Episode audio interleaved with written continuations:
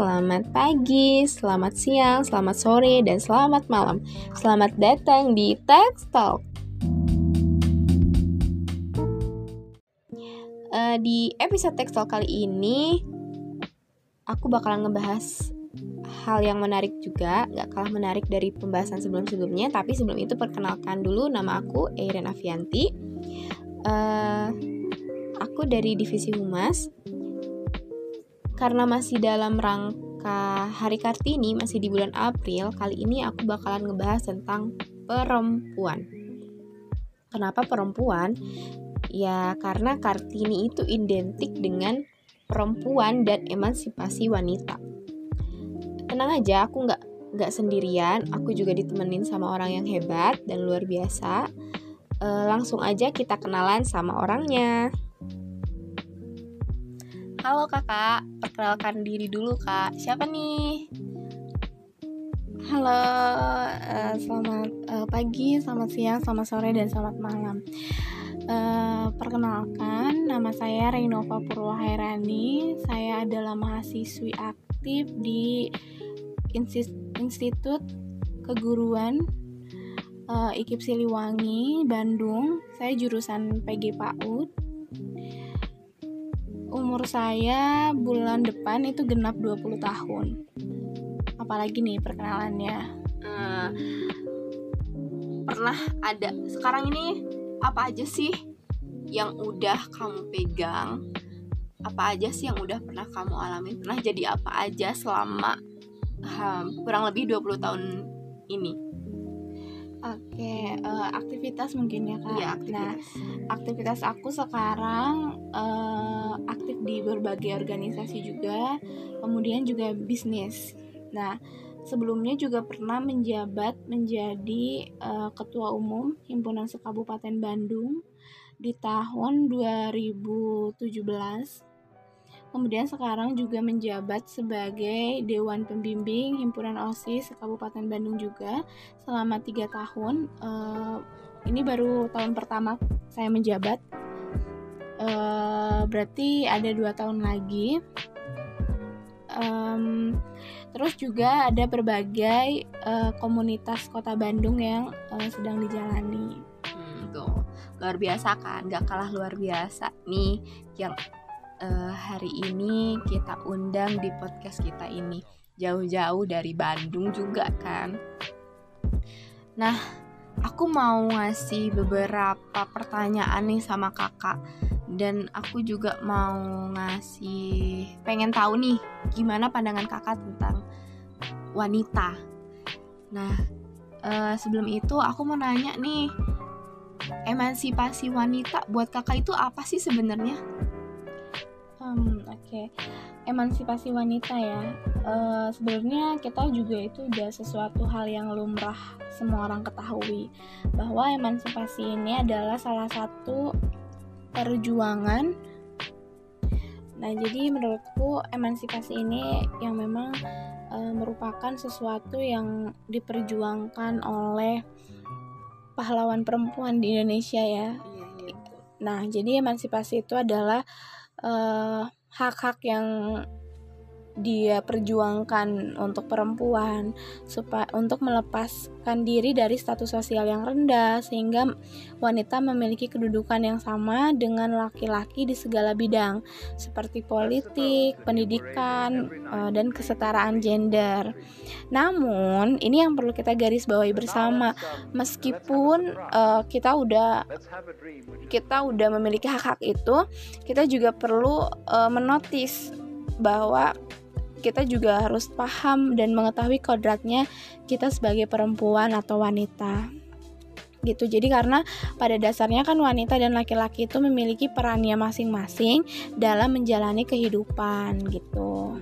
Tuh, jadi emansipasi wanita itu kayak gitu. Terus aku mau nanya juga nih kak. Ngerasa nggak sih kalau ruang gerak kita sebagai wanita itu dibatasin gitu sama beberapa hal? Entah mungkin uh, dari segi pendidikan terus pandangan-pandangan orang kakak ngerasa kayak gitu nggak sih oke Oke, untuk sekarang ya, uh, untuk sekarang sih kayaknya uh, masih aman-aman aja sih. Kalau untuk misalnya ngelihat um, perempuan banyak kok sekarang yang berpendidikan bahkan sampai ada yang S3, bahkan ada yang sampai profesor gitu. Uh, menurutku itu tidak dibatasi gitu. Cuman uh, mungkin ada juga beberapa orang yang tidak menerima akan hal seperti itu yang kok perempuan gelarnya tinggi-tinggi sih gitu. Iya betul betul. Nah, kalau perempuan gelarnya tinggi sih nanti juga balik lagi ke dapur. Nah itu tuh persepsi itu harus diubah apa enggak sih? Iya dong. Karena gini, kalau misalnya kita melihat bahwa perempuan itu sama dengan ibu ya. Hmm. Nah perempuan itu sama dengan ibu yang yang akan bahkan akan menjadi seorang ibu yang ibu yang memiliki yang nantinya akan memiliki anak gitu. Kalau misalnya di agamaku di Islam, madrasah pertama bagi anak-anaknya adalah ibu. Nah, ibu betul, itu apa? Ibu itu siapa gitu ya? Ibu itu perempuan. Kalau misalnya nih, logikanya kalau misalnya uh, kita nggak punya pendidikan, kita nggak bermoral, kita kitanya malas-malasan pada saat muda gitu. Apa yang akan kita tanam untuk anak-anak kita gitu. Jadi menurutku adalah berpendidikan itu ya salah satu juga salah satu menuntut ilmu sama dengan uh, beribadah gitu. Nah, jadi intinya adalah untuk mencapai itu semua tetap walaupun itu hak-haknya sudah kita penuhi, kita sudah mendapatkan hak-hak itu, tapi kita harus tahu bahwa kodrat kita adalah seorang perempuan yang mana apabila uh, sudah menikah kita taat sama suami gitu. Jadi tetap harus mengetahui uh, batasan-batasan itu tanpa uh, jadi jangan sampai orang tuh merasa uh, apalagi kalau laki-laki itu kan udah banyak juga yang lo songong banget sih karena lo udah ini lo udah itu. Nah hal-hal iya, yang iya, seperti betul, yang harus kita jaga gitu. Jadi jangan sampai kitanya juga nyeleneh gitu sebagai perempuan. Intinya pendidikan itu penting karena kita adalah madrasah pertama bagi anak-anak kita nanti. Nah, terus gini kak, kan banyak tuh pernyataan-pernyataan juga di luar yang tadi nih. Katanya uh, perempuan itu nggak cocok nih jadi seorang pemimpin. Karena uh, yang bisa cocok jadi seorang pemimpin itu adalah cuma laki-laki ya. Karena laki-laki itu kan katanya berbisa berpikiran logis dan rasional sementara perempuan itu nggak cocok karena mereka itu selalu mendahulukan logika dan emosinya itu gimana sih menurut kakak sedangkan kakak sendiri kan uh, pernah menjadi seorang pemimpin kan jadi pandangan kakak tentang hal tersebut itu kayak gimana sih kak? Oke okay. uh, eh, untuk pandangan itu ya uh, secara secara memang kalau secara emosional kemudian secara uh, logiknya kita itu bahwa memang laki-laki uh, jauh lebih hati-hati gitu dibanding perempuan tapi nggak uh, ada salahnya loh gitu pada saat kita menjadi seorang pemimpin gitu. Ada tujuh negara yang menjadi sorotan, Jerman, Taiwan, Selandia Baru, Islandia, Finlandia, Norwegia, dan Denmark. Nah, itu kenapa uh, ini adalah kesamaan ketujuh negara, yaitu yang dipimpin oleh seorang wanita. Iya, nah, mereka menunjukkan di bawah kepemimpinannya negara mereka bisa menekan penyebaran COVID-19 nih yang sedang lagi ngetren yang mungkin iya. pandemi ini yang menjadi uh, subhanallah itu menjadi uh, apa ya namanya tamparan untuk kita semua bahwasanya kekuasaan Tuhan gitu ya betul nah jadi di Jerman tujuh negara ini apa namanya tujuh negara ini dipimpin oleh wanita kok dan mereka mendapatkan julukan pemimpin hebat di dunia nah makanya kita nggak bisa melihat dari segi itu untuk misalnya perempuan gak layak jadi seorang pemimpin karena emosionalnya tidak uh, tidak terkontrol. Iya, Justru betul perempuan itu. itu mengandalkan perasaan yang mana mungkin akan jauh lebih hati-hati gitu. Kalau mungkin hati-hatinya laki-laki dengan logikanya, kehati-hatian perempuan dengan perasaannya gitu. Jadi menurutku itu nggak ada yang sebenarnya itu bukan perspektif yang tidak uh, tidak benar dan juga tidak salah, tapi itu perlu kita kritisi bersama gitu dan kita juga perlu aware dengan kondisi saat ini gitu uh, percaya atau tidak laki-laki hebat karena ada perempuan hebat di sampingnya gitu jadi uh, anyways ya berarti laki-laki membutuhkan peran perempuan dan perempuan membutuhkan peran, Peran laki-laki, Jadi betul. intinya kita Aku saling itu. membutuhkan gitu. Iya. Jadi nggak bisa ngejat satu sama lain gitu. Intinya adalah eh, kolaborasi. Tapi eh, di zaman sekarang juga sebenarnya yang ngejudge kita itu, yang ngejudge seorang perempuan itu bukan hanya laki-laki aja loh kak. Kadang-kadang eh perempuan itu sendiri, wanita itu sendiri yang menghujat, yang menjudge eh, perempuannya lagi gitu loh. Jadi dia itu kayak merasa dianya dia adalah wanita paling sempurna dan yang lain itu tidak. Itu gimana sih kak? Itu kan sebetulnya harus ada yang dibenarkan dari itu kan? Oke. Nah, mungkin ya ada beberapa faktor seseorang itu eh, berpikir seperti itu. Salah satunya adalah eh, faktor eh, mungkin dia tidak eh, gini. Kadang orang-orang yang seperti itu adalah orang-orang yang butuh pengakuan.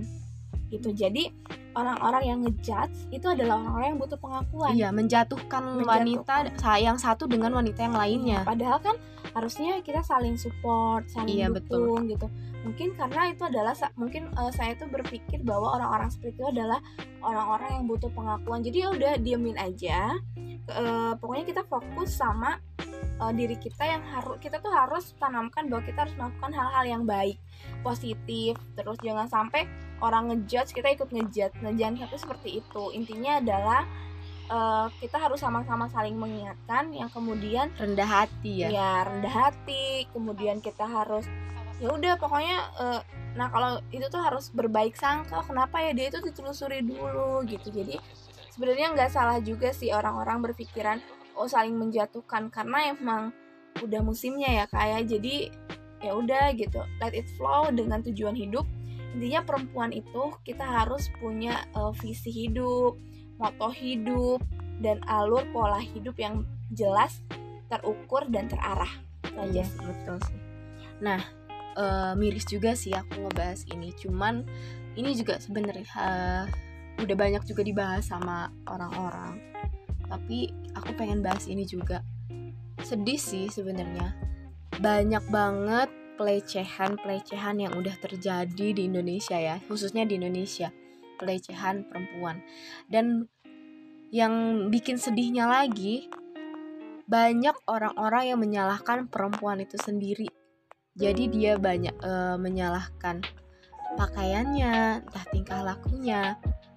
Jadi orang laki-laki, aku aku bilang laki-laki ya, karena kebanyakan yang dile perempuan itu dilecehkan oleh laki-laki. Laki-laki itu katanya eh, yang melecehkan itu eh, bisa berbuat seperti itu karena pakaian wanitanya itu sendiri, tingkah laku wanitanya itu sendiri. Menurut kakak itu juga gimana sih? Karena kan sebenarnya kalau aku pribadi berpendapat nggak selalu salah perempuannya, betul nggak? Yes. Nah, eh ini ya. Sebetulnya pakaian itu bukan salah satu faktor yang paling utama dalam eh, un- menterjadikan pelecehan itu ya. Iya. Tapi pelakunya yang harus kita perhatikan karena sepanjang hid- hidupnya setiap perempuan pernah mengalami eh, eh, pelecehan seksual. Tapi artinya tapi bukan berarti eh, bajunya yang salah, pakaian yang salah, tapi kita harus tanda kutip pelakunya nih yang harus agak di apa ya namanya agak di ditekankan gitu. Jadi jangan melulu menyalahkan perempuan udah dilecehkan disalahkan gitu Iya, apakah betul. mentalnya nggak dapet gitu kan Iya kan. nah dari analisis data survei yang di- eh, diikuti oleh lebih dari 62.000 orang eh, koalisi menemukan fakta menarik yang membantah mitos-mitos yang beredar terkait pelecehan seksual terkait eh, bahkan menurut hasil survei mayoritas korban pelecehan tidak tidak mengenakan baju terbuka saat mengalami pelecehan seksual artinya Iya. kalau misalnya kayak gitu Yang berarti berhijab pun banyak ya kak. Yes. Berarti aslinya pakaian ini bukan salah bukan faktor utama m- e, terjadinya pelecehan gitu. Melainkan ada yang memakai celana atau rok e, rok panjang 18% yang terkena pelecehan, hijab 17% dan baju lengan e, panjang 16%. Hasil survei juga menunjukkan bahwa waktu korban mengalami pelecehan mayoritas terjadi pada siang hari itu, lebih lebih ngeri ya. lagi gitu lagi eh, dan sore hari gitu ber eh, nah jadi intinya adalah uh, apa ya? Kalau misalnya gini yang hijab aja masih dilecehkan apalagi, apalagi yang, yang, terbuka berarti artinya kita sebagai uh, apa ya namanya sebagai perempuan ya perlu menjaga batasan-batasan itu. Emang apa sih untungnya kita berpakaian yang terbuka gitu? Emang itu hak emang, emang sih itu hak. hak masing-masing. Tapi kalau misalnya orang-orang menyalahkan itunya berarti mereka juga menyalahkan orang-orang yang uh, terbuka gitu berpakaian Iya. terbuka. Lantas apa yang perlu kita benahi? Gitu adalah benahi lagi diri kita. Apakah itu worth it nggak sih kita memakai baju ini? Kita memakai baju baju terbuka itu worth it nggak dengan diri kita gitu dengan apa yang akan terjadi pada kita? Kalau menurut dia worth it ya udah silakan lakukan. Tapi kalau saya pribadi itu tidak worth it. Gitu. lebih baik eh, menyesuaikan lah pakaian menyesuaikan pakaian intinya gimana sopan gitu, Iya. intinya harus sopan karena dengan eh, kita berpakaian sopan orang dapat menilai gitu Iya betul itu. Nah terakhir nih karena takut juga eh, kalau misalnya kelamaan orang-orang juga ih lama banget nanti jenuh ya jenuh. Eh, terakhir nih sebenarnya untuk sekarang ya apa sih yang harus dilakuin sama seorang wanita itu? Wanita itu harus gimana dan harus ngapain supaya eh, orang-orang itu tidak tidak selalu berpikiran negatif tentang wanita. Karena tidak karena menurutku tidak semua seorang wanita itu lemah. Betul kak? Iya. Em, menurutku ya perempuan itu harus belajar. Betul. Perempuan itu harus belajar perempuan itu harus memiliki visi dan prinsip. Karena pada saat eh, perempuan itu punya visi dia adalah seorang visioner dia adalah orang prinsipal dia adalah seorang yang belajar maka tidak akan ada orang lagi yang akan merendahkan dia gitu. Eh, intinya itu kemudian juga jangan juga jangan berpikir gue harus berpenghasilan baru orang hargain enggak kita cuman perlu menjaga diri kita mawas diri bervisi berprinsip belajar orang akan hargai kita dan satu Gitu. lagi attitude yang harus Ah, paling iya, penting itu dijaga. makanya makanya kita harus punya prinsip karena kalau udah, berprinsip attitude akan ngikutin Iya. akan terjaga gitu terus terjaga stability-nya terus kemudian eh, apa ya namanya orang-orang tuh akan menjaga eh, batasan-batasan kepada kita orang nggak akan semena-mena sama kita karena kita oh ini nih gini nih simpelnya nih ya Eh, pada saat saya duduk dengan teman saya duduk orang tuh akan akan bukan bukan saya gila hormat tapi orang-orang tuh kayak eh ada ada teh Ray permisi gitu. Eh ada ini. Jadi dengan walaupun kita tidak melakukan apa-apa gitu karena orang sudah bisa menilai. Artinya eh, kalau lo pengen dihargain sama orang lain lo harus ngehargain diri lo dulu gitu. Karena kalau misalnya lo nggak bisa ngehargain diri lo orang lain gimana mau ngehargain gitu. Iya, betul. itu aja sih Iya gitu tuh. Nah gitu. Jadi itu tadi kata Kak Renova katanya. Jadi sebenarnya wanita yang berkelas itu adalah wanita yang bervisioner ber, berfi- Berprinsip Bervisi Dan berattitude yang baik. Kayak gitu teman-teman.